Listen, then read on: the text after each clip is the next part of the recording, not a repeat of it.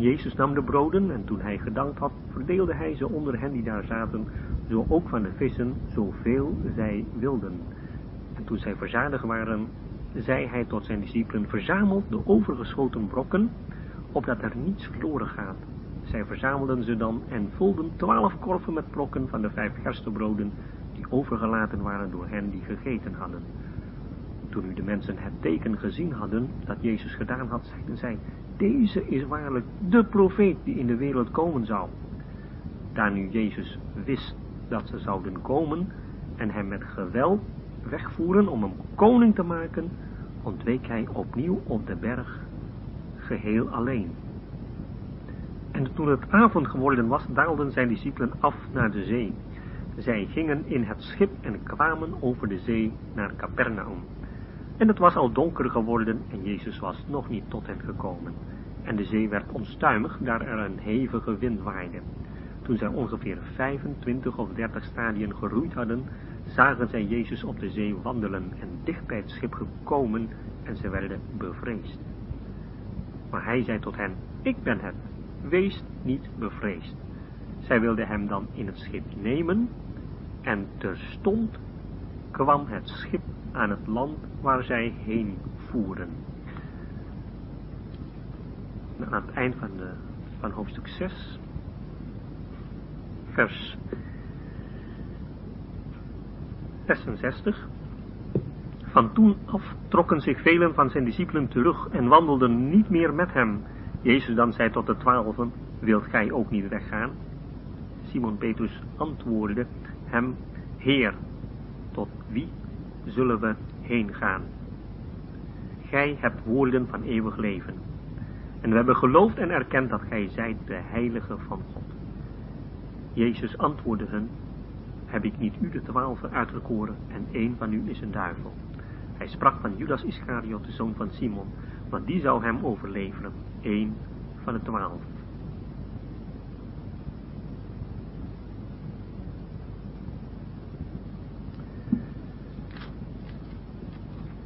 In de afgelopen maanden hebben we met elkaar dit evangelie bestudeerd en gezien dat dat hier gaat om de openbaring van de Heer Jezus, de Christus, de Zoon van God.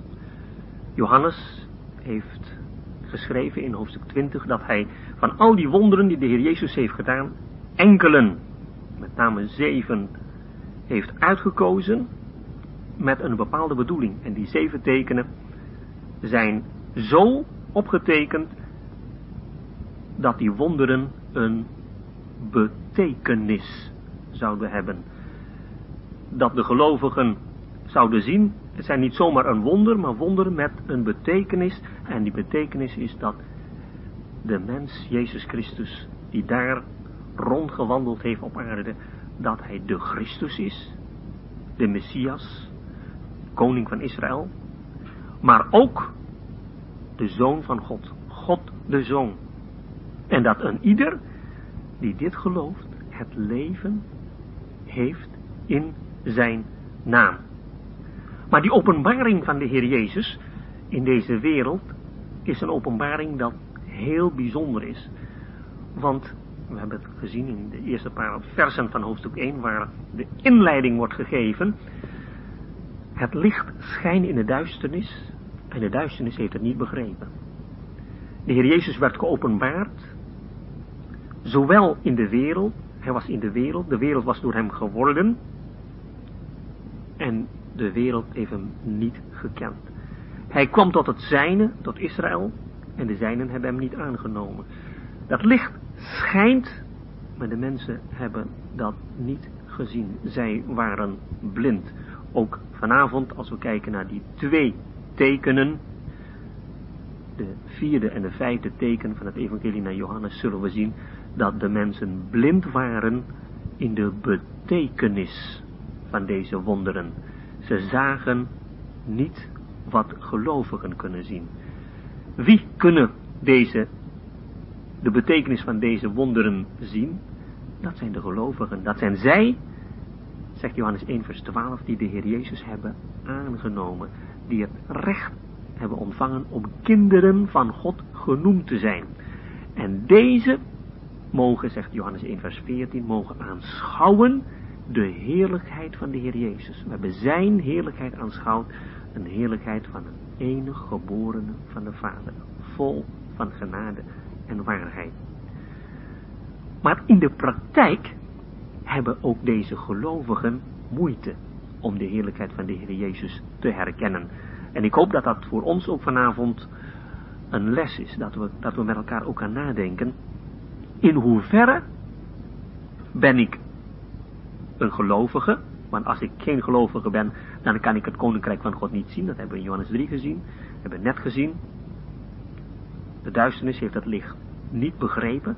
Maar als je een gelovige bent, dan is het nodig dat we gaan groeien in het herkennen, aanschouwen van de heerlijkheid van de Heer Jezus.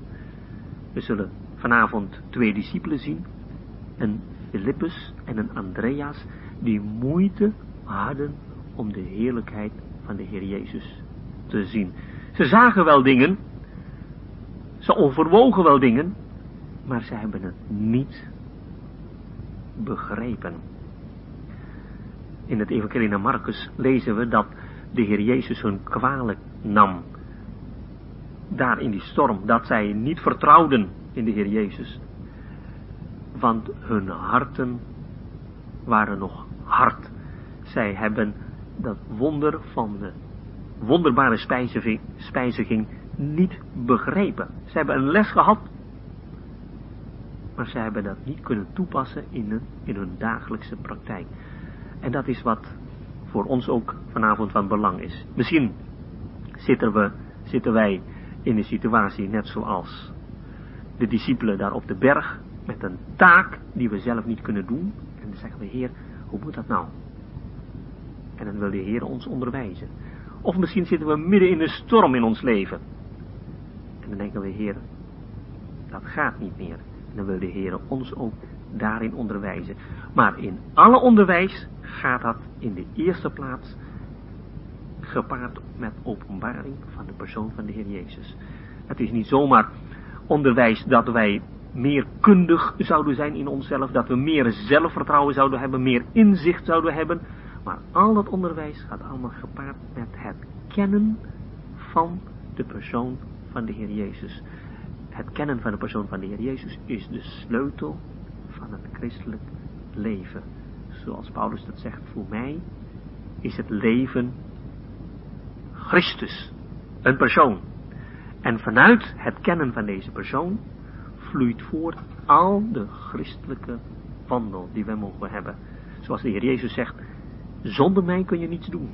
Maar blijf in mij en ik in u en gij zult vrucht dragen.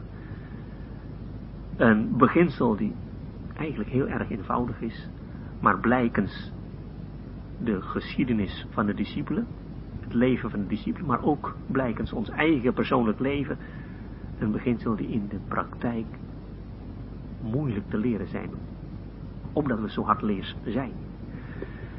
Wij hebben hier in Johannes 6, net zoals altijd, een gedeelte waar wij wondertekenen zien en daarna een gesprek tussen de Heer Jezus en het publiek en de discipelen. En dat gesprek van de Heer Jezus met het publiek, met de discipelen, vloeit voort vanuit de teken die hij gedaan heeft. Dus die teken heeft een betekenis en hij, hij ging dat daarna ook uitleggen. Onderwijs geven uit de tekenen. Hier vinden we in Johannes 6 tweetal tekenen. Ik heb het gezegd vierde en vijfde teken. Vierde teken was wonderbare spijziging. Vijfde teken storm op het meer. Dat waren hele bijzondere tekenen. In die zin, in het evangelie naar Johannes vind je bijna altijd de dienst van de Heer Jezus in Judea en Jeruzalem. Daar ging het eigenlijk altijd om, om de dienst daar. Maar de Heer Jezus heeft vele maanden lang vanwege de verwerping vanwege zijn verwerping in Galilea vertoeft. Dat kunt u lezen in hoofdstuk 7, vers 1. En daarna trok Jezus rond in Galilea, want hij wilde in Judea niet rondtrekken, omdat de Joden hem trachten te doden. Als u kijkt naar de geschiedenis van het leven van de Heer Jezus, dan was hij maandenlang in Galilea, vanwege de verwerping. Maar van al die dingen die de Heer Jezus heeft gedaan en gezegd, vindt u alleen hier hoofdstuk 6 vermeld, de vierde en vijfde teken. Er zijn heel veel dingen die niet opgetekend zijn. En Marcus 3 tot met Marcus 6 vindt u hier niet opgetekend. Matthäus 13, de zeven gelijkenissen. De verhalen, de gebeurtenissen die u vindt in Lucas 7 tot 6 tot met 8 vindt u hier ook niet vermeld. Heel veel gebeurtenissen vindt u niet vermeld. Maar alleen deze twee vindt u hier vermeld met een bijzondere betekenis. Om ons te laten zien hoe de Heer Jezus in de tijd van zijn verwerping zich openbaarde aan de mensen. En twee tekenen, twee wonderen, om als het ware de hoogtepunt en het dieptepunt van zijn dienst te laten zien. Het was een hoogtepunt, ogenschijnlijk een hoogtepunt, omdat de Heer Jezus heel veel volgelingen heeft gekregen vanwege die wonderbare spijziging. Duizenden mensen waren bij de Heer Jezus. Maar het was ook een dieptepunt, want van die duizenden die bijeen verzameld waren, lezen we op een gegeven moment dat er nog maar twaalf waren overgebleven.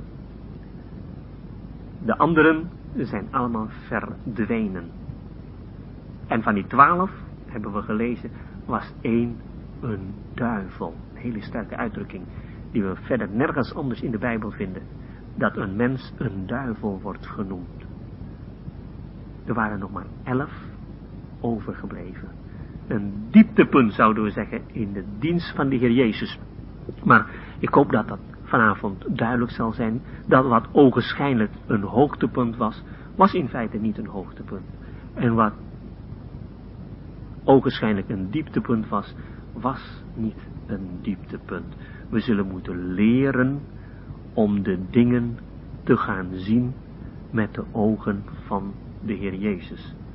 Dat ook in de praktijk van ons leven, als wij allerlei dingen gaan meemaken, dat we leren om de dingen niet alleen van beneden te bezien, menselijk, maar dat we leren om te zien zoals de Heer Jezus ze ziet. Als de Bijbel zegt, wees nuchter, wij zeggen wees nuchter, dat betekent dat dan moet je moet je de dingen zien met gezond verstand. Zoals de mensen in de wereld dat zouden zien. Zonder al te veel gevoelsmatig te, de dingen te bezien. Maar in de Bijbel, wees nuchter betekent, laten we de dingen nou eens zien zoals God ze ziet. Dat is de werkelijkheid voor een gelovige. De vierde teken, hebben we gezegd, vindt plaats in Galilea. Dat spreekt dus van de verwerping.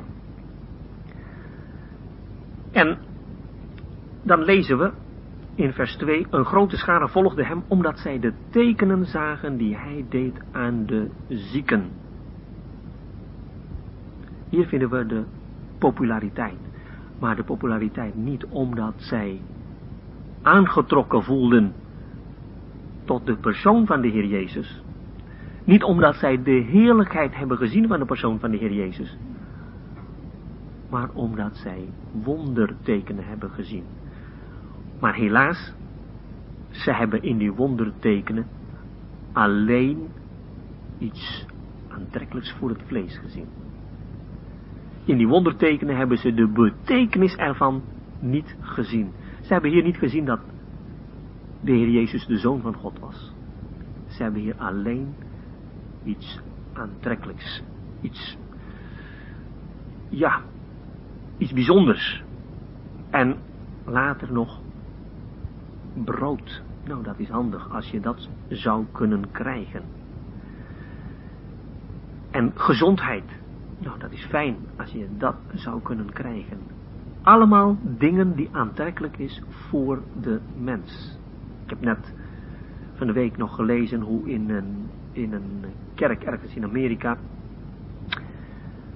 uh, de mensen, de aanwezigen, verdubbelden, omdat de predikant heeft gezegd, nou, alle nieuwe mensen die hier komen, die krijgen van ons, bij wijze van verandering, geld. 10 dollar. In plaats van dat ze collecte moeten betalen, krijgen ze geld. Nou, toen krijgen ze volle zalen. Het is bekend in landen als Afrika, in, in Afrika, maar ook in Azië, uitdrukking als reischristenen. Mensen die denken, nou als ik christen ben, dan, dan hoef ik geen honger te lijden. Want dan is er een soort verzekering van de kas, laat ik zeggen, behoefte de heiligen. Dan hoef ik nooit honger te lijden.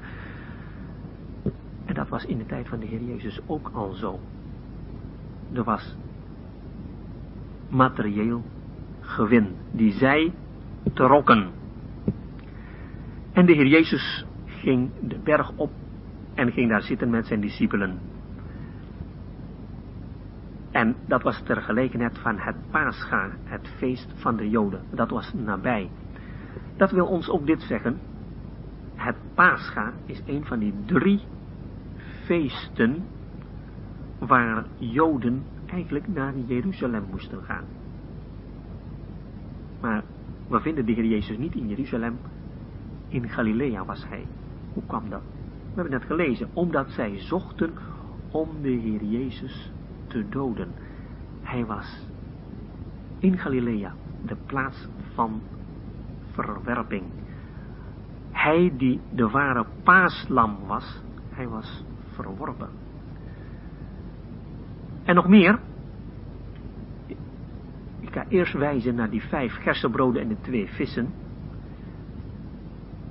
gerstebroden, dat zijn broden voor arme mensen. Je hebt tarwebrood en je hebt gerstebrood. In Johannes 6 gaat het om gerst, Johannes 12 gaat het om tarwe. Gerst, dat is voer voor dieren en voor arme mensen. Heel goedkoop was dat. En twee vissen, staat de vertaling, vertaalt dat met visjes. En in feite staat inderdaad ook een woord wat aanduidt kleine, onbetekenend vis. Dat laat zien de nederigheid van de Heer Jezus die gebruik maakte van brood en vissen. Brood voor arme mensen en visjes die eigenlijk niet in tel zouden zijn. Alles spreekt hier van verwerping van de Heer Jezus. Hij kwam tot het zijne en de zijnen hebben hem niet aangenomen. Wij mogen vandaag de dag toevoegen, niet alleen de wereld heeft hem niet gekend, niet alleen de Joden hebben hem verworpen, maar ook in de christenheid vandaag de dag is hij niet meer in het midden. We leven in tijdperk profetisch openbaring 3. Tijdperk van Laodicea, waar de Heer Jezus zegt, sta aan de deur en ik klop. Dat betekent dat hij niet meer binnen in de gemeente is. Hij staat buiten. Hij moest zelfs kloppen. Ook vandaag de dag is hij verworpen in de christenheid. Hij krijgt niet meer de plaats die hij toekomt. De plaats van Heere. En de vraag is aan ons, welke plaats heeft hij in ons leven. De Heer Jezus wil niet alleen het middelpunt van de hemel zijn, maar hij wil ook het middelpunt van de aarde zijn. En met name in uw en mijn leven. En dat zien wij in het leven van de discipelen. De Heer Jezus was bezig om de discipelen te onderwijzen. Elke keer weer iets van zichzelf, iets van het eeuwig leven aan de discipelen te openbaren. Hij begon met Filippus. Filippus en Andreas die kwamen allebei uit Bethsaida, lezen we. Dus het was hun, ja, kunnen we zeggen, een thuiswedstrijd voor hen. Het was een, zij werden beproefd op de plaats waar ze het meest thuis zijn, Bethsaida. Maar is dat ook niet zo dat bij ons allemaal het geval is? Als de Heer ons beproeft, dan is dat vaak, het begint dat vaak op de plaats waar we zijn, thuis. Als we willen getuigen, in handelingen 1 lezen we dat, dan moeten we beginnen in Jeruzalem. En dan Judea, Samaria enzovoorts. Het kringetje begint thuis. Met onze Jeruzalem. Met daar waar we zijn. Filippus werd beproefd. Hij heeft al een paar lessen gehad van de Heer Jezus. In Johannes 1 hebben we gezien hoe de Heer Jezus hem heeft gevonden. We hebben gezien hoe Filippus in Johannes 2 meegegaan was met de Heer Jezus. Toen, uh, toen in Cana de Heer Jezus het wonderen heeft gedaan. Water werd wijn. Hij heeft gezien in Jeruzalem de wonderen van de Heer Jezus. En nu lezen wij dat de Heer Jezus hem op de proef wilde stellen. Ja, Johannes 2 lezen wij, ze hebben de heerlijkheid van de Heer Jezus gezien en ze hebben geloofd. Maar nu wordt dat geloof beproefd. Waar zullen wij broden kopen opdat deze kunnen eten? Dan zouden we zeggen, nou Filippus die heeft gezien hoe de Heer Jezus wijn heeft gemaakt van water, dan, dan heeft hij natuurlijk begrepen dat dat voor de Heer Jezus geen enkel probleem was om deze grote scharen te voeden. Maar Filippus heeft die les nog niet begrepen. Hij was heel goed in rekenen, hij kan heel goed uit hoofd rekenen en hij rekende 5000 man. Brood kost zoveel, ze hebben, als, als we een klein beetje aan iedereen geven, zoveel, nou, 200 dinaren. Dat is niet voldoende. Wil ieder een klein beetje geven. Dat is taal van het ongeloof. In nabijheid van de Zoon van God om te spreken, ieder krijgt een klein beetje. In de nabijheid van de Zoon van God om te spreken over 200 dinaren. Wat betekent dat voor de schepper van hemel en aarde? 200 dinaren. 200 in de Bijbel spreekt van volkomen tekortschieten. 20 in de Bijbel vindt het verschillende keren in het Oude Testament spreekt van tekortschieten. 220 maal 10 spreekt van een volkomen tekortschieten. En dat vinden we hier in het leven van Filippus. Hij schoot tekort. Mag ik zo zeggen, hij krijgt hier een mondelinge proefwerk. En hij was gezakt. Zijn inzicht over de persoon van de Heer Jezus krijgt een onvoldoende. Maar dan gaan we kijken naar ons eigen leven. Ook in ons leven, in uw leven, mijn leven, krijgen wij ook plotseling af en toe een proefwerk. En dan, en dan hoe makkelijk is het om te vergeten wie de Heer Jezus is. De Heer Jezus die gisteren en heden hetzelfde is en tot in eeuwigheid. De Heer Jezus die gezegd heeft, ik ben met u tot aan de volleiding der eeuwen. Toch, en toch gedragen wij ons alsof de Heer Jezus er niet zou zijn. Dan krijgen wij ook een onvoldoende. In die zin moeten wij Filippus niet te hard vallen. Wat in zich betreft krijgt Filippus, hebben we gezegd, een onvoldoende. Maar dan kwam Andreas, zijn vriend, te hulp. Andreas is een bijzonder discipel. U vindt het. U vindt hem drie keer in dit evangelie. In hoofdstuk 1, hoofdstuk 6 en hoofdstuk 12. En dan, en dan ziet u dat Andreas altijd iemand bij de Heer Jezus brengt. Dat is heel wonderlijk. In hoofdstuk 1 heeft hij zijn broer meegenomen. En hier zag hij een jongetje met vijf broden, twee visjes. Heeft hij bij de Heer Jezus meegenomen. In Johannes 12 waren een paar Grieken. Dat heeft hij ook bij de Heer Jezus gebracht. Andreas Je hoort niet veel van hem, want hij is niet iemand die, die toespraken hield, die, die opvallend was, maar heel stilletjes was hij een instrument in de hand van de Heer Jezus. Om mensen bij hem te brengen. Hier zien wij dat hij een lichtdrager is. Hij trekt, hij laat het licht schijnen door zijn leven heen. Laat zien wie de Heer Jezus is en brengt mensen bij hem. Maar ook Andreas was, mag ik zo zeggen, besmet met het virus hier van Filippus. Want Filippus liet het ongeloof zien en Andreas, die werd besmet en hij zegt, hier is een jongen die vijf gerstebroden heeft en twee vissen. Maar wat betekent dat voor zoveel? Hebt u misschien ook een opdracht van de Heer Jezus gekregen? Dat de Heer Jezus u op een weg brengt en laat zien dat Hij van u bepaalde dingen verwacht. En dat u dan zegt, nou Heer, maar hoe moet dat nou? Ik heb niks. Ik kan dat niet. Het is veel te moeilijk. Het is veel te zwaar.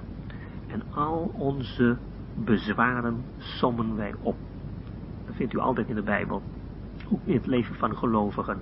Zoals een Mozes opdracht kreeg van de, van de Heere God om naar Farao te gaan. Leest u maar wat voor tegenwerpingen hij verzonnen kon. En dat is hier ook. En dat is in uw en mijn leven ook. Hij geeft ons een opdracht. En dan denken we, ja. Alleen maar als de Heer ons genade schenkt. En het geloof geeft om dat te doen. Dan kan dat. Anders lukt dat niet. Maar dan krijg, krijgen zij een tweede proefwerk. En Jezus zei in vers 10, laat de mensen gaan zitten. En er was veel gras in die plaats. Zo gingen ze dan zitten. De eerste proefwerk was de vraag of ze inzicht hadden in de persoon van de Heer Jezus. Wel, dat hadden ze niet. De tweede proefwerk was of zij de Heer Jezus wilden gehoorzamen. En daarin slaagden zij. Dat is mooi. Ze hebben dat gedaan wat de Heer Jezus heeft gezegd. Ja, in de andere evangeliën lezen wij dat zij eigenlijk niet 100% hebben geluisterd. De Heer Jezus zegt, zet hun in groepen van 50, maar zij hebben het gedaan in groepen van 50 en groepjes van 100. Want dat heeft de Heer Jezus niet gezegd, maar goed, in dit evangelie staat dat niet bij. Hier wordt de nadruk gelegd op het feit dat zij gehoorzaamden. En omdat zij gehoorzaamden, kon de Heer Jezus verder gaan en zijn heerlijkheid openbaren. Waardoor zij gaan zien wie de Heer Jezus was. Dat is ook in ons leven zo. Vaak schieten wij tekort wat ons inzicht betreft omtrent de persoon van de Heer Jezus. Maar als wij dat doen wat de Heer Jezus ons zegt, dan zullen wij groeien in het kennen van de Heer Jezus. Hij wil ons wel dingen laten zien, maar wij moeten naar hem luisteren. Heel belangrijk beginsel. Dat is net als dat, als dat lampje in vroegere tijden.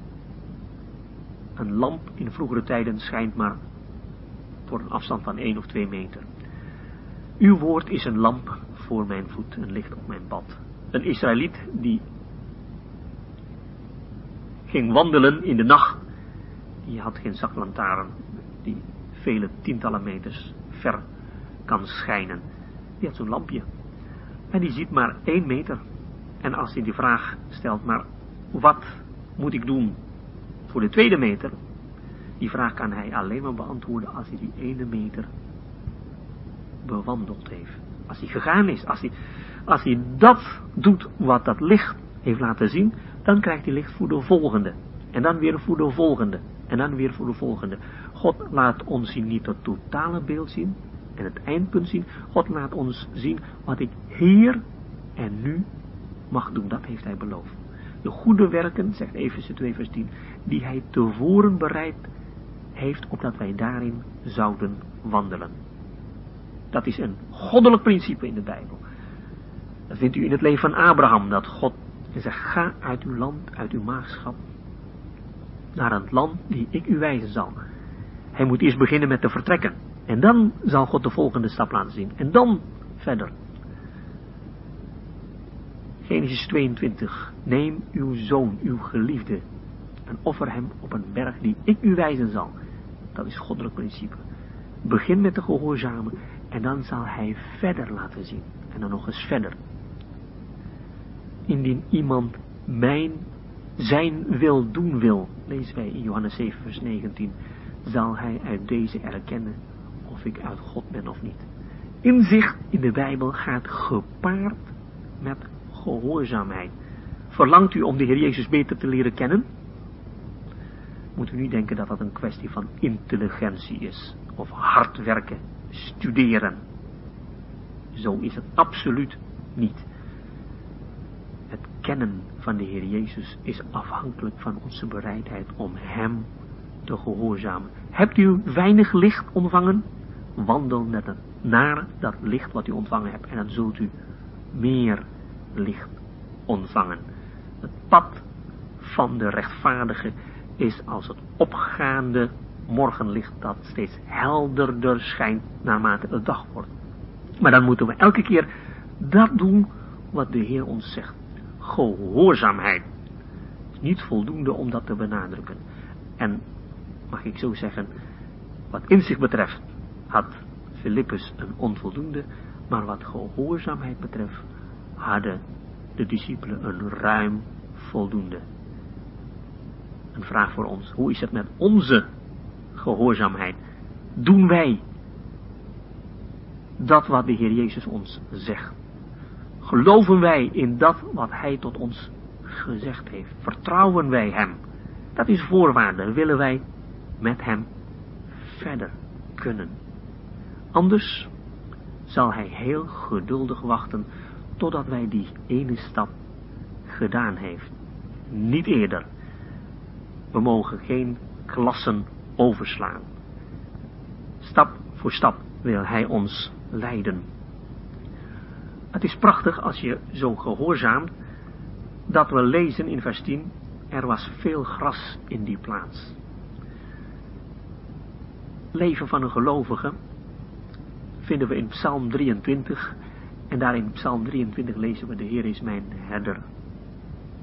En dan lezen wij dat wij gevoerd worden langs grazige weiden en langs rustige wateren. Dat vinden we hier in Johannes 6. Die grazige weiden. In het evangelie naar Marcus lezen we dat dat gras groen was. En dan na die storm lezen wij dat het water rustig was. Hoe geweldig is het dat als de Heer Jezus er is, dat wij daar gebracht zijn bij het grazige weide en het rustige wateren. Zij gehoorzaamden en de Heer Jezus nam de broden en toen hij gedankt had, verdeelde hij ze onder hen die daar zaten. Die vijf broden en die twee vissen kwamen in de hand van de Heer Jezus. Hij dankte en brak het en hij gaf het aan de discipelen. De discipelen gaf dat weer door aan de anderen. Hier vinden we opnieuw het geheim van een dienst die wij voor de Heer mogen doen. Als de Heer ons een taak geeft, de Heer geeft aan ieder van ons een taak om te doen. En dan zeggen wij, Heer, zonder u kan ik het niet, want ik kan dat niet. En dat wat wij wel hebben, geven wij aan de Heer Jezus. En mogen wij uit zijn hand terug ontvangen. En plotseling zien wij dat we wel in staat zijn om de scharen te voeden. Als de Heer Jezus opdracht geeft, dan gaat hij met ons mee. Dan geeft hij ook de mogelijkheden om dat te doen. Hij geeft ons nooit een onmogelijke opdracht, maar hij gaat bij ons om ons daarin te helpen. Dat is een geweldige bemoediging voor ons. En dan lezen wij zo ook van de vissen, zoveel zij wilden. Filippus dacht in termen van, nou ze moeten maar een klein beetje hebben en dan, en dan, dat is niet genoeg. Maar bij de Heer Jezus lezen wij, zoveel zij wilden. Er was een overvloed. Geweldig is dat, dat wij uit hem, uit zijn volheid mogen ontvangen, genade op genade, mogen we ervaren. Elke dag opnieuw, overvloedig. We zijn gezekerd met alle zegeningen in de hemelse gewesten. Geweldig is dat, als wij dat mogen zien. Maar dat wij dan niet meer letten op onszelf. We, we moeten leren om te kijken naar de Heer Jezus die bij ons is. En dat is de les die straks ook bij die storm geleerd moet worden. Dat ze moeten leren letten op de Heer Jezus. Vertrouwen op de Heer Jezus. En niet letten op de storm. En dan zegt de Heer Jezus, verzamel de overgeschoten brokken op dat er niets verloren gaat. Het feit dat ze dat allemaal gratis hebben ontvangen, betekent niet dat ze, dat ze slordig ermee mogen omgaan. Ze moeten het allemaal verzamelen. En later zal de Heer Jezus spreken. Toen die vijf broden en twee vissen verdeeld werden onder die vijfduizend. Hoeveel manden zijn overgebleven? Twaalf. Die twaalf manden. Dat is het bewijs van Gods goedertierenheid. Om hun elke keer weer te doen herinneren wie de Heer Jezus was. Dat is een les die ze moeten vasthouden. Als een soort monument. Ter herinnering. Bij de volgende geschiedenis merken wij dat ze het onmiddellijk weer vergeten. En ze hebben het zo geleerd. Ze hebben zo van dichtbij gezien. En toch is het zo moeilijk om te leren. Hoe vaak zie ik in mijn eigen leven dat je, dat je de goedheid van de Heer hebt meegemaakt, keer op keer. En dan denk je, nou, volgende keer zal ik, heb ik nou geleerd om toch maar weer te vertrouwen. En dan komt de volgende beproeving en dan merk je, nee, uit jezelf, dan struikel je opnieuw. Je hebt opnieuw genade om vast te houden wat hij gegeven heeft. En dan lezen wij hier dat de discipelen, dat de mensen die het teken hadden gezien, zeiden, deze is waarlijk de profeet die in de wereld komen zal. De profeet, Deuteronomium 18, net zoals Mozes. De Messias. We zouden zeggen, ja, dat is toch de bedoeling van de Heer Jezus, dat hij geopenbaard zal worden als de Christus, als de profeet. Ja. En zij erkennen de Heer Jezus als de profeet, dat is toch prachtig. Dan lezen we hier, daar nu Jezus wist dat ze zouden komen en hem met geweld wegvoeren om hem koning te maken, ontweek hij opnieuw op de berg geheel alleen. Ja, de Heer Jezus is koning. Hij is als koning geboren, lezen wij in Matthäus 2. Waar is de koning, nieuwe koning die geboren was. Hij is koning. Maar hij wilde zijn koningschap niet ontvangen uit handen van mensen. Hij wilde, Johannes, uh, Matthäus 4, het koningschap niet ontvangen uit de hand van de duivel. Hij wilde het koningschap ontvangen uit de hand van God. Psalm 2, vraag van mij.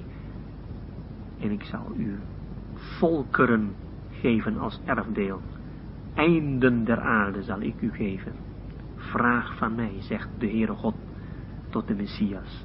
De Heer Jezus is koning, maar hij wil het alleen ontvangen uit de hand van God. En zo voor ieder van ons. Heel belangrijk. In Johannes 5, vorige zijn we geëindigd met de eer zoeken. Welk, wiens eer zoeken wij? De eer die van God afkomstig is, of de eer die van de mensen afkomstig is? Hier vinden wij een volmaakt voorbeeld van de Heer Jezus. Hij wil het van de hand van de Vader ontvangen. En dat mogen we ook leren. Niet te zoeken dat wat van de mens is. En dan komen we bij een bijzonder gedeelte, de storm op het meer. Wist de Heer Jezus niet dat die storm zou komen? Ja, natuurlijk. Maar waarom, waarom laat de Heer Jezus zijn discipelen dan in de storm? Ik heb kinderen en als ik weet dat dat, dat iets gevaarlijk is, dan stuur ik mijn kinderen toch niet in het gevaar. Dat is een vraag die, die gelovigen vaak ook stellen. Heer, u weet toch en dat en dat zou er kunnen gebeuren en nu, het is nu gebeurd. Waarom, waarom hebt u mij niet tegengehouden? Waarom, waarom laat u dat in mijn leven gebeuren? Waarom is een moeilijke vraag om te beantwoorden. Vaak kunnen we dat niet beantwoorden. We mogen wel weten, vanuit dit verhaal, dat vaders hand, zoals we dat graag zingen, veroorzaakt zijn kind nooit onnodig leed. We mogen vertrouwen dat hij die zelf zijn eigen zoon niet gespaard heeft, maar hem voor ons overgegeven heeft, zou hij ook niet met hem ons alle dingen schenken. Hij is aan onze kant. Hier mogen we zien dat de Heer Jezus de discipelen van een heel groot gevaar wilde bevrijden. Ze wilden hem koning maken. Al die duizenden mensen. En ik denk dat de discipelen dat prachtig zouden vinden.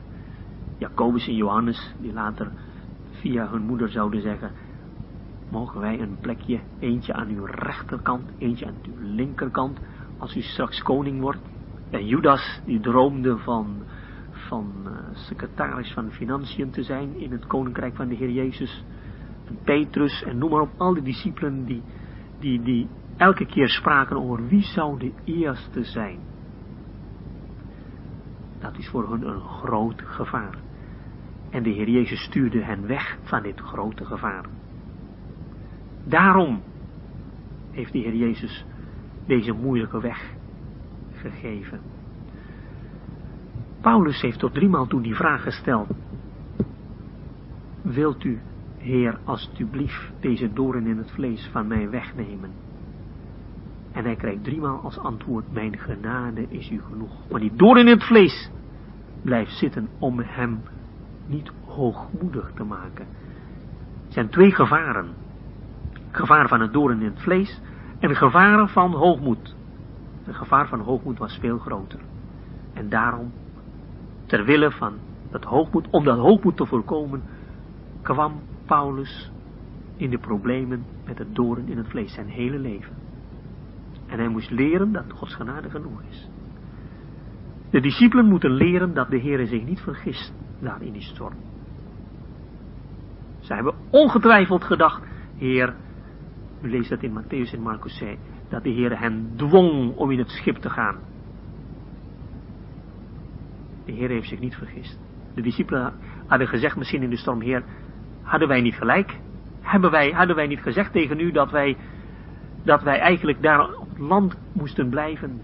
De Heer Jezus dwong hen. En misschien bent u ook door de Heer gedwongen op een weg waarvan u zegt, Heer, eigenlijk heb ik liever een andere weg. En de Heer maakt geen vergissing. Zijn weg is de beste. Dat is een lied, kinderlied die we graag zingen. Zijn weg is de beste. Altijd. En het geloof mag dat beamen. Het was avond en de discipelen daalden naar de zee. Ze gingen in het schip en kwamen over de zee naar Capernaum. En Jezus was nog niet tot hen gekomen en de zee werd onstuimig. Storm. Storm betekent niet dat, dat je de Heere ongehoorzaam bent. Dat kan. In het geval van Jona lezen wij dat die storm kwam door ongehoorzaamheid. Maar in dit geval kwam die storm na gehoorzaamheid. We moeten uitkijken dat we, dat we niet zeggen als er storm is, dat is altijd straf van de Heer. In dit geval is dat niet het geval. Die storm was de volgende proefwerk om de gelovigen, om de discipelen te beproeven. Helaas lezen wij in Marcus dat ze, mag ik zo zeggen, hun huiswerk niet goed hebben gedaan. Ze hebben de lessen niet geleerd. Mag ik die vraag stellen, als wij in problemen zijn, als we in beproevingen zijn, één ding mogen we van de Heer vragen. Heer, leer ons om onze lessen te leren. Dat ik mezelf leer kennen en dat ik u beter leer kennen. Anders, anders missen wij de lessen en dan moeten we herhalingsles hebben. En de Heer is een geduldig leermeester. We zullen elke keer weer herhalingsles krijgen. Maar ja, dan verliezen wij tijd en gelegenheden om Hem groot te maken.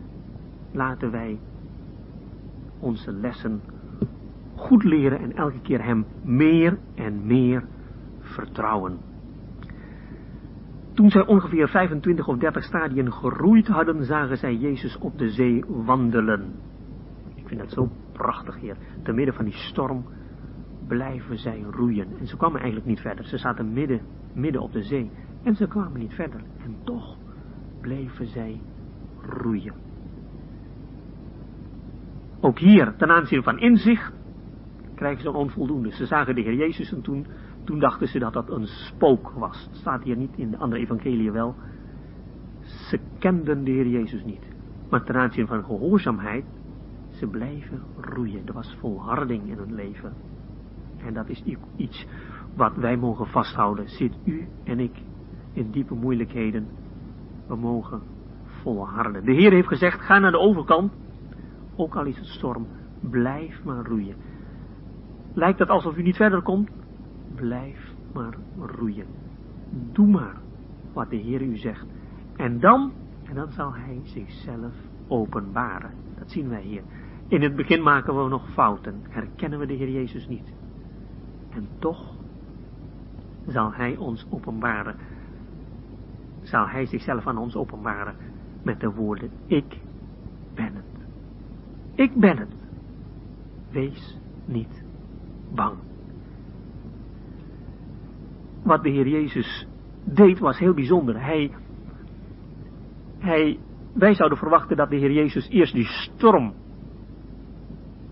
zou stillen en daarna zeggen, wees niet bang. Maar hij deed precies het omgekeerde. Hij zegt, ik ben het, wees niet bevreesd.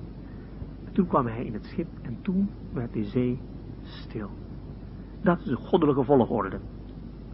De goddelijke volgorde is dat wij eerst de Heer Jezus herkennen te midden van die storm en die vrede van God gaan ervaren. En dan pas kunnen omstandigheden veranderen. En niet omgekeerd. Wij bidden vaak tot de Heer, Heer wilt u alsjeblieft de omstandigheden veranderen. Dat is Gods weg niet. Hij begint niet, hij begint nooit met omstandigheden te veranderen. Hij wil graag dat we te midden van die omstandigheden hem herkennen en zijn woord geloven. Eerst die vrees doen verdwijnen door vertrouwen in de woorden van de Heer Jezus. En in de praktijk van ons leven is dat ook niet zo dat, u, dat de Heer werkelijk de, de letterlijke storm in uw leven verandert.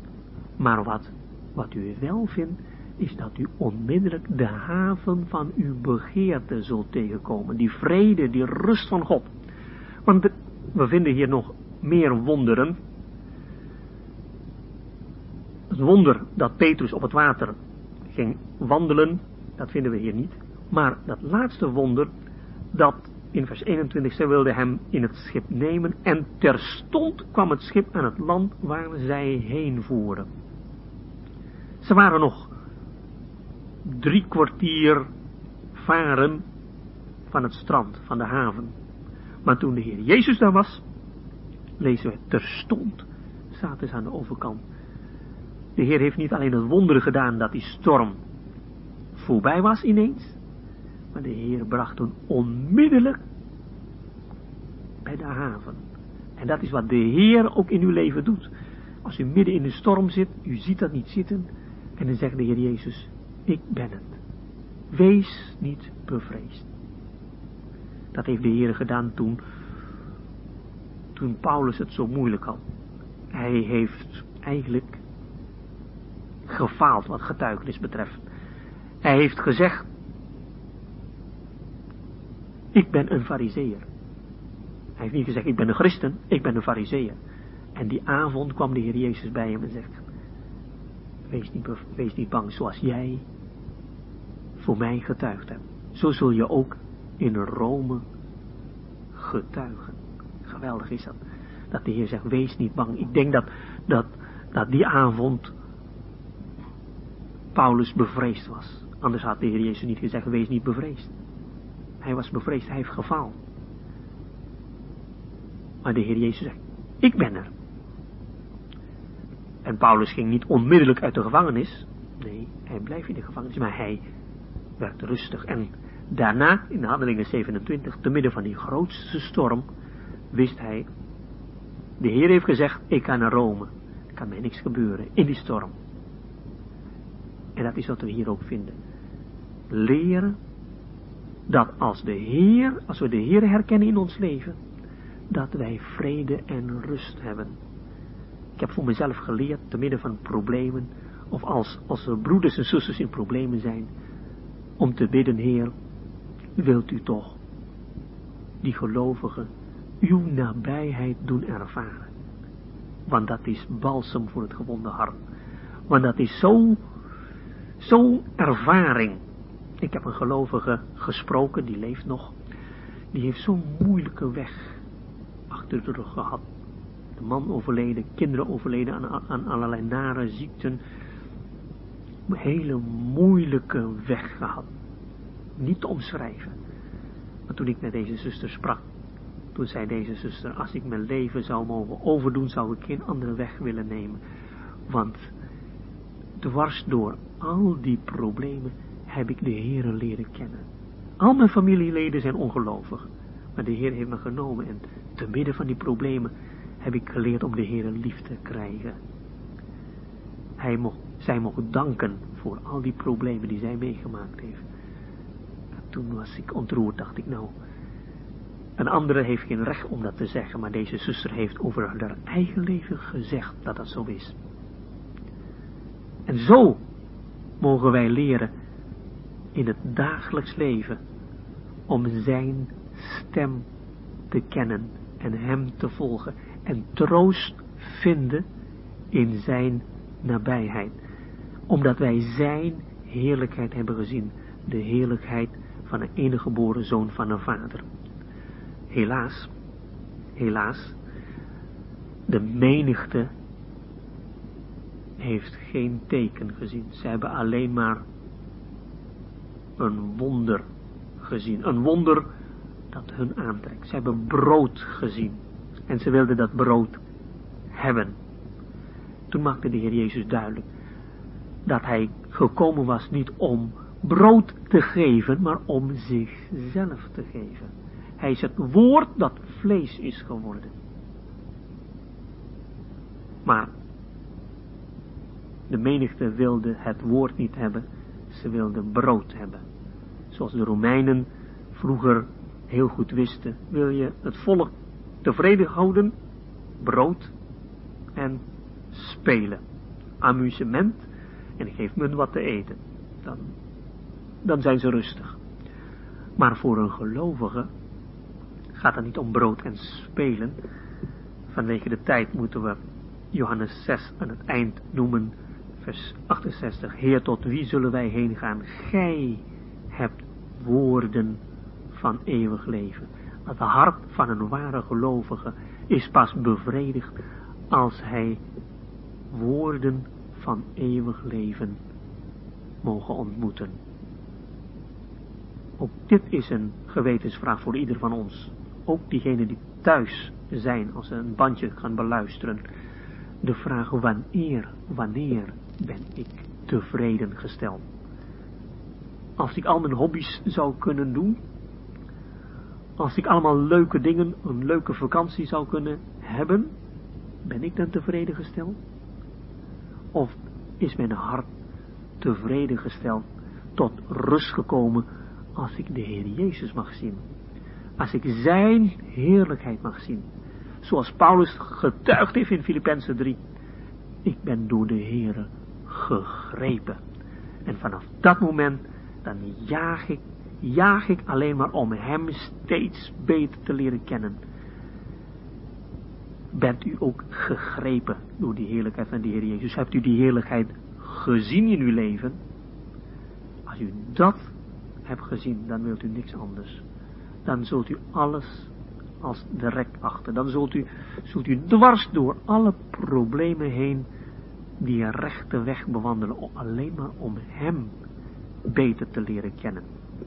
In het leven van, van de menigte zien wij dat er een achteruitgang was. U vindt daar tot zevenmaal toe dat de menigte iets tot de Heer Jezus hebben gezegd. En in dat wat ze hebben gezegd ziet u een achteruitgang. De eerste vier keren spraken ze met de Heer Jezus. En probeerden ze om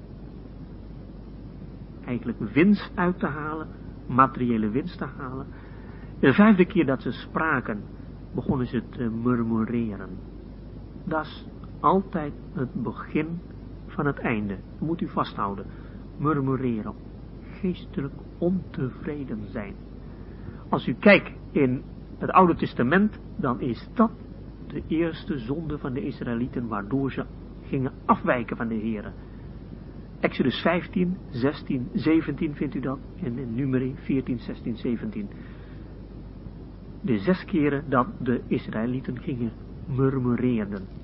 In 1 Korinthe 10 wordt dat genoemd als een les voor ons, dat wij niet zouden murmureren dat wij niet ontevreden zouden zijn jegens de Heer, ondankbaar jegens de Heer. De Israëlieten murmureerden omdat zij niet hebben gezien de goedheid van de Heer. Hier murmureerden zij omdat zij niet hebben gerealiseerd dat de Heer zichzelf wilde geven aan hen.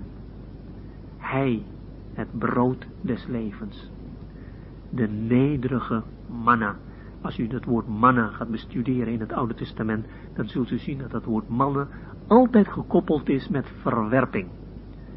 Als dat niet gekoppeld is met verwerping, dan lezen wij over brood uit de hemel. En daar waar manna wordt genoemd, dan staat dat altijd in verbinding met verachting en verwerping. Manna betekent, wat is dat? Wat is dat nou? Minachting van de gave van God. En dat is wat we hier ook vinden bij de menigte. Ze murmureerden omdat zij de gave van God gingen minachten. Broeders en zusters, als ik uw broeder en zuster mag noemen, u die in de Heer Jezus gelooft, u hebt van de Heer de grootste gave ontvangen. De grootste gave die God ooit aan een mens, aan een schepsel kan geven. We hebben geen enkel recht om te murmureren. We hebben alle recht om dankbaar te zijn. Het is heel belangrijk. Ook in de opvoeding van de kinderen heb ik mogen zien hoe belangrijk dat is dat kinderen leren om tevreden, dankbaar te zijn. Ontevredenheid, murmureren, is het begin van ongeloof. De tweede stap vinden we in vers 52. Ze gingen strijden tegen elkander onder elkander. Dat is de tweede stap. Ook bij gelovigen kunnen we dat vinden. Eerst murmureerde en dan komt er een strijd. En dan in vers 60 krijgt u de derde etappe tegenspreken. De Heere heeft zijn woord gesproken. En wij durven te zeggen, dit woord is hard. Zij hebben liever brood dan woord. Dit woord is hard. Denk eraan, niet hard om te begrijpen, maar hard om te accepteren. Laat niemand zeggen dat het woord van God hard is om te begrijpen. De Heere wil je inzicht geven, wil ons inzicht geven, bij de Heilige Geest ontvangen, opdat wij alles kunnen begrijpen. We zijn in staat om te begrijpen, dankzij de Heilige Geest. We hebben geen enkel reden om geen geestelijk inzicht te hebben. Maar als wij dat woord hard vinden, dan komt dat omdat wij dat niet willen accepteren. Omdat ons hart niet gericht is op woorden van eeuwig leven. Ons hart is gericht op andere dingen. En Johannes noemt dat later in zijn brief afgoden. Alles wat buiten de Heer Jezus is, noemt hij afgoden. En hij waarschuwde de gelovigen, kinderen, wacht u voor afgoderij. Dan zouden we zeggen, nou, zouden christenen vatbaar zijn voor afgoderij? Ja, maar niet af, afgod van, van beelden. Hoewel in de Roomse kerk vinden we nog veel beelden, maar in ons eigen leven kunnen we nog veel dingen vinden die de plaats van de Heer Jezus innemen. Als ons hart gericht is op andere dingen buiten Hem, dan is dat afgoderij. Als we onze eigen wil verafgoden, dan lezen we in 1 Samuel 15, ongezeggelijkheid is afgoderij. We mogen leren om te buigen voor zijn gezag. En we hebben drie stappen gezien. Vierde stap vinden we in vers 66. Van toen af trokken zich vele van zijn discipelen terug en wandelden niet meer met hem. Maar de Heer Jezus wist dit van tevoren. Dat waren niet kinderen Gods, dat waren discipelen die de Heer volgen alleen maar omdat ze wonderen hebben gezien. Dat lezen wij in, aan het eind van Johannes 2. Hier vinden we niet de schapen van de Heer Jezus. Hier vinden wij de varkens teruggekeerd naar de modder. De honden teruggekeerd naar de braaksel. Als u in de Heer Jezus gelooft, dan mag u de zekerheid van het geloof hebben. Daar wil ik vanavond mee eindigen. Dat vindt u in Johannes 6 vers 37. Alles wat de Vader mij geeft, zal tot mij komen.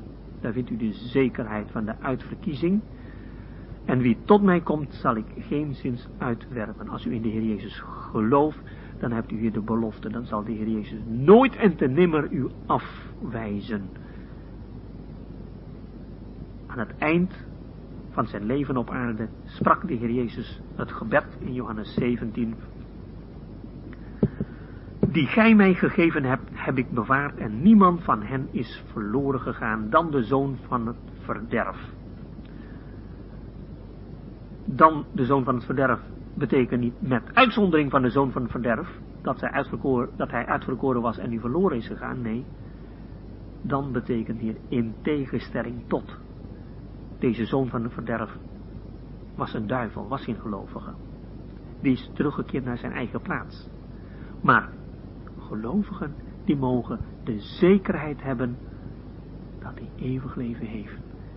In Johannes 5, deze dingen schrijven wij u opdat gij weet dat gij eeuwig leven hebt. Gij die in de naam van de Zoon van God gelooft. En als wij dat betwijfelen, als wij betwijfelen, dan maken we God tot een leugenaar. Want zelfs de getuigenis van mensen nemen we aan. Maar als God getuigt dat wie de zoon heeft, heeft het leven. En u zegt, ik heb de zoon, maar ik weet niet zeker of ik leven heb. Dan maakt u God tot een leugenaar. En willen we de weg met hem gaan, dan mogen we leren om hem in alles te vertrouwen. In alles wat hij zegt. Niet omdat we dat allemaal begrijpen, maar omdat hij dat gezegd heeft. En dit is de weg waardoor wij elke dag, elke stap van ons leven, hem beter zullen leren kennen. Hij die gezegd heeft, ik ben het brood des levens.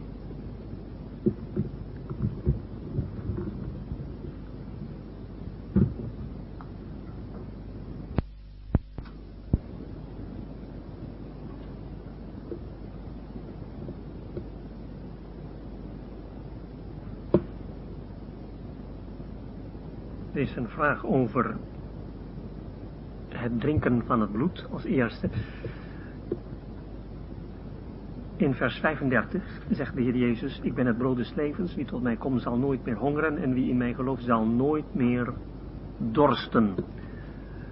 En dat laatste, nooit meer dorsten, dat wordt door de Heer verder, als het ware, uitgewerkt in vers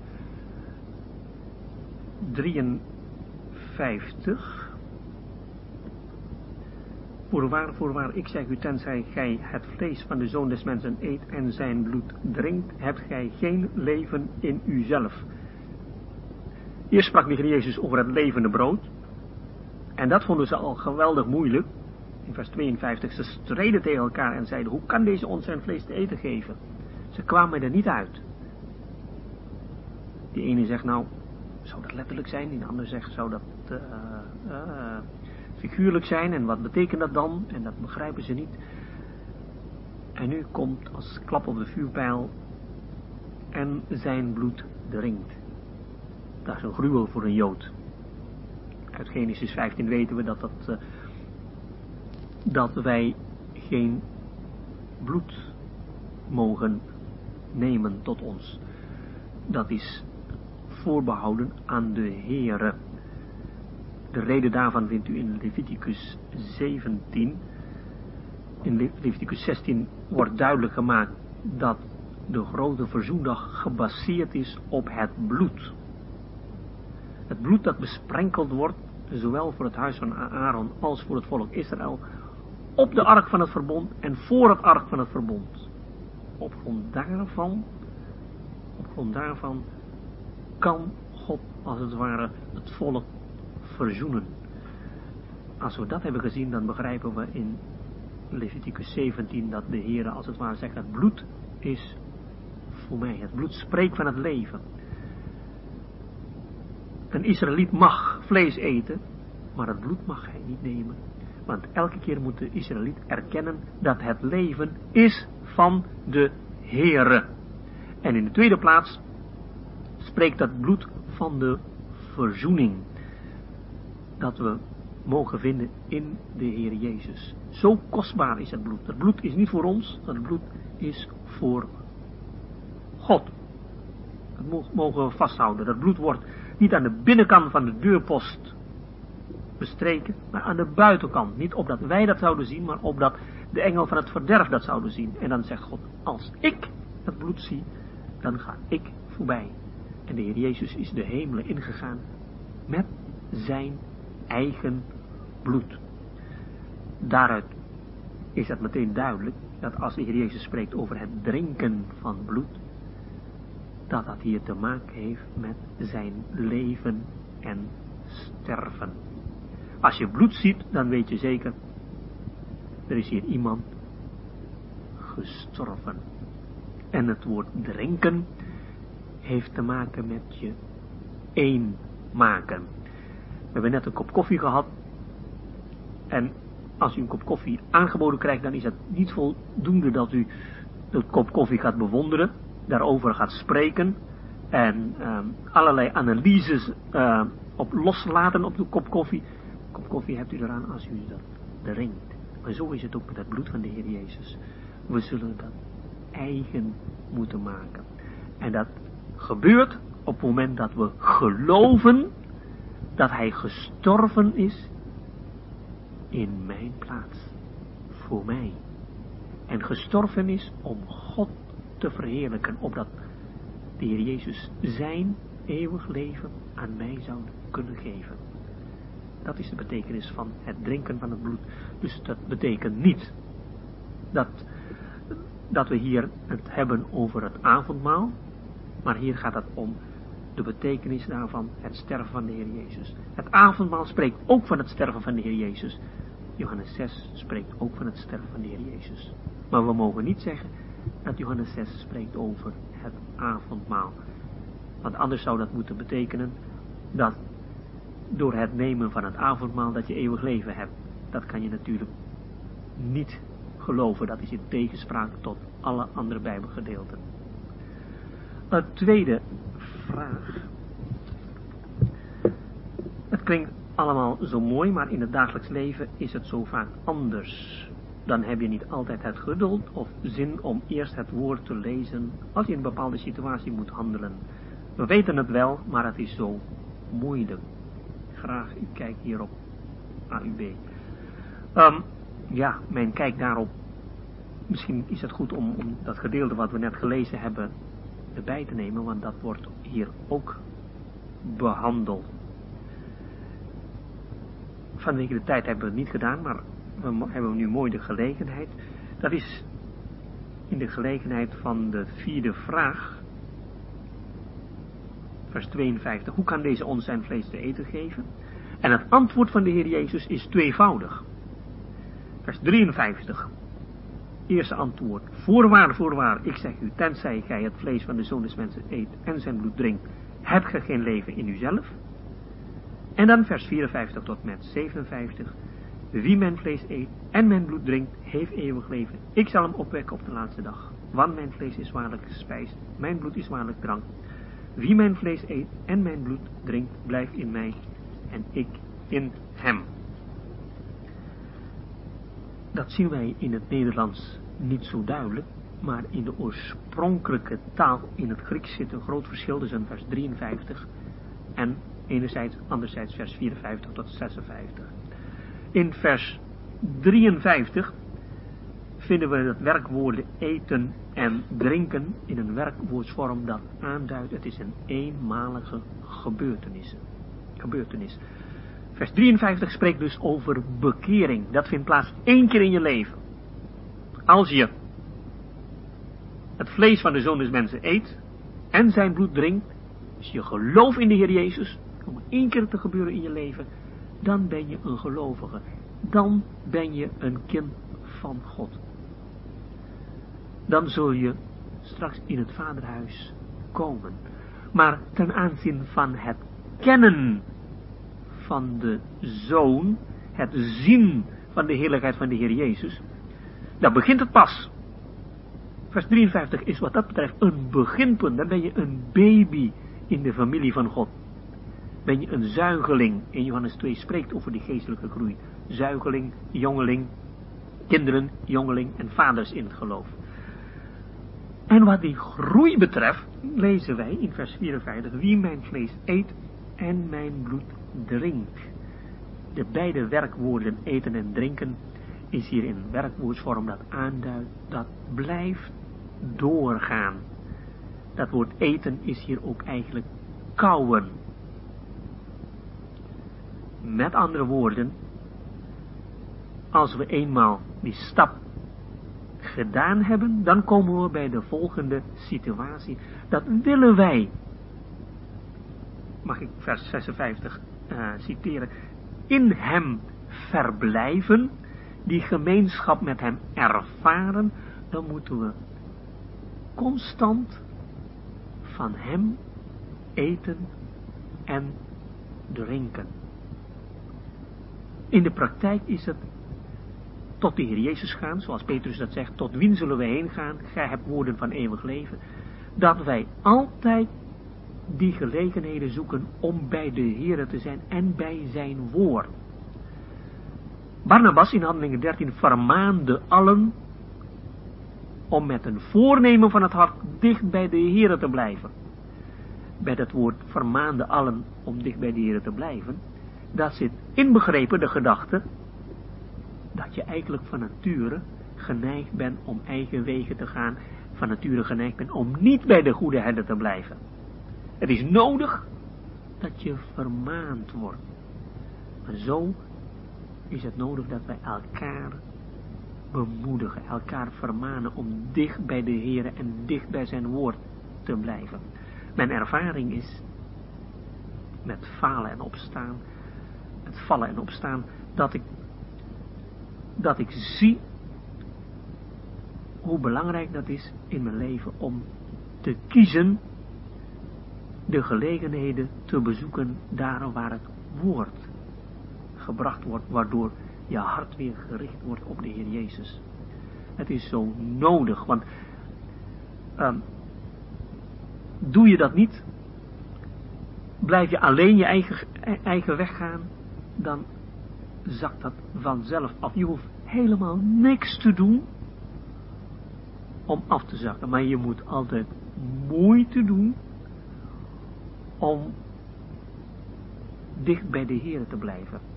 Een voornemen van het hart betekent dat je een besluit moet nemen. Die richting wil ik gaan. In Hebreeën 2 worden we gewaarschuwd, worden we vermaand om, om acht te geven aan dat wat we gehoord hebben, opdat wij niet misschien zouden afdrijven. Daar vinden we de gedachte afdrijven. Als je, als je in een rivier zit en je doet niks, snelstromend rivier, dan word je door de stroom meegesleept. Dan drijf je af. En alle dode voorwerpen worden ook meegesleept.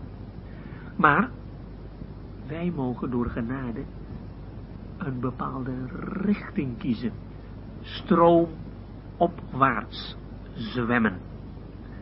Stroomopwaarts zwemmen, dat kunnen alleen maar vissen, mag ik zo zeggen, met Leviticus 11, met kieuwen en met schubben. Anders kun je niet stroomopwaarts zwemmen.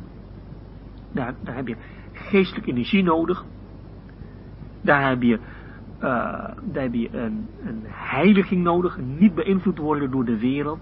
Daar spreekt de schubben van. En de, en de, en de, niet alleen de schubben, maar ook de uh, vinnen, niet kieuwen, maar vinnen, om een richting te bepalen. En die vinnen hebben we nodig. En dat is wat we hier vinden. Voornemen van het hart dicht bij de Heer te blijven. Een keuze maken, terwijl de schare stroom afwaarts zwemmen, ze trokken zich terug van de Heer, dat je zegt, tot wien zullen we heen gaan? Woorden van het eeuwig leven. Tegen de stroom in kiezen voor de Heer, voor zijn woord. In de praktijk dat we elke keer een weerstand ervaren om het woord tot ons te nemen en om de dingen geestelijk te benaderen, dat is een, helaas een volkomen normale zaak in het leven van christen. Als die bij zichzelf gelaten wordt. Zonder mij kun je niets doen. Een rank dat niet blijft bij de wijnstok, die zal nooit vrucht dragen. En de bemoediging is eigenlijk vanavond, het is mogelijk voor ons om vrucht te dragen. Het is mogelijk om tot de Heer Jezus te gaan, ook vandaag. Maar de sleutel is dat we de keuze moeten maken om bij hem en bij zijn woord te blijven. Praktisch. Hoe druk je ook hebt, keuze maken voor het woord, voor het gebed. Maarten Luther heeft gezegd, dat, misschien was het iemand anders, naarmate ik het drukker heb, naarmate ik meer op de knieën gevonden heb. Als ik drukker heb, dan neem ik juist tijd extra om te bidden. Nu is het niet, uh, niet een, uh, een wettische beginsel die we allemaal moeten opvolgen, maar het heeft wel zin op het moment dat we beseffen hoe zwak je bent en hoe afhankelijk je bent van zijn genade. Dat je zegt, nou Heer, als ik, als ik in deze drukte niet begin met u, dan gaat dat mis. Maar dat mogen we uit zijn woord leren en bij ondervinding ervaren. We mogen bemoedigd worden met deze voorbeelden van Andreas en Filippus, dat ondanks ons falen, onze, onze zwakheid, dat de Heer heel geduldig is met ons. U vindt in dit gedeelte geen woord van verwijt van de Heer Jezus jegens zijn discipelen. Maar stap voor stap, heel geduldig, neemt Hij ons bij de hand en brengt ons verder in dit evangelie in dit hoofdstuk wordt de Heer Jezus voorgesteld als het brood dat uit de hemel is neergedaald. Het brood dat als het ware uh, zijn leven, hij die zijn leven geeft, spreekt van zijn sterven. En tenslotte als diegene die terug zal keren naar de hemel. De Heer Jezus zegt, oh, Ergert u dit? Wat dan als gij de zoon des mensen ziet opvaren waar hij tevoren was? We zien de Heer Jezus voorgesteld, uit de hemel neergedaald. Het woord is vlees geworden. Hij geeft zijn leven hier op aarde. Opdat wij leven zouden ontvangen. En daarna keert hij terug naar zijn vader. En hij wil ons als het ware meenemen op weg terug naar zijn vader. Stap voor stap. En in die weg is het nodig dat wij voortdurend ons voeden met zijn vlees en met zijn bloed. Dat ons dat moeite kost, dat is waar. Maar dit gedeelte is voor ons juist een bemoediging om heel bewust daarvoor te kiezen. De betekenis van het gedeelte is, het gaat niet vanzelf. We zullen met Gods hulp, met Gods genade een keuze maken. Zeggen, Heer, ik wil met een voornemen van het hart dicht bij u blijven. Help mij daarin. Zullen ik danken.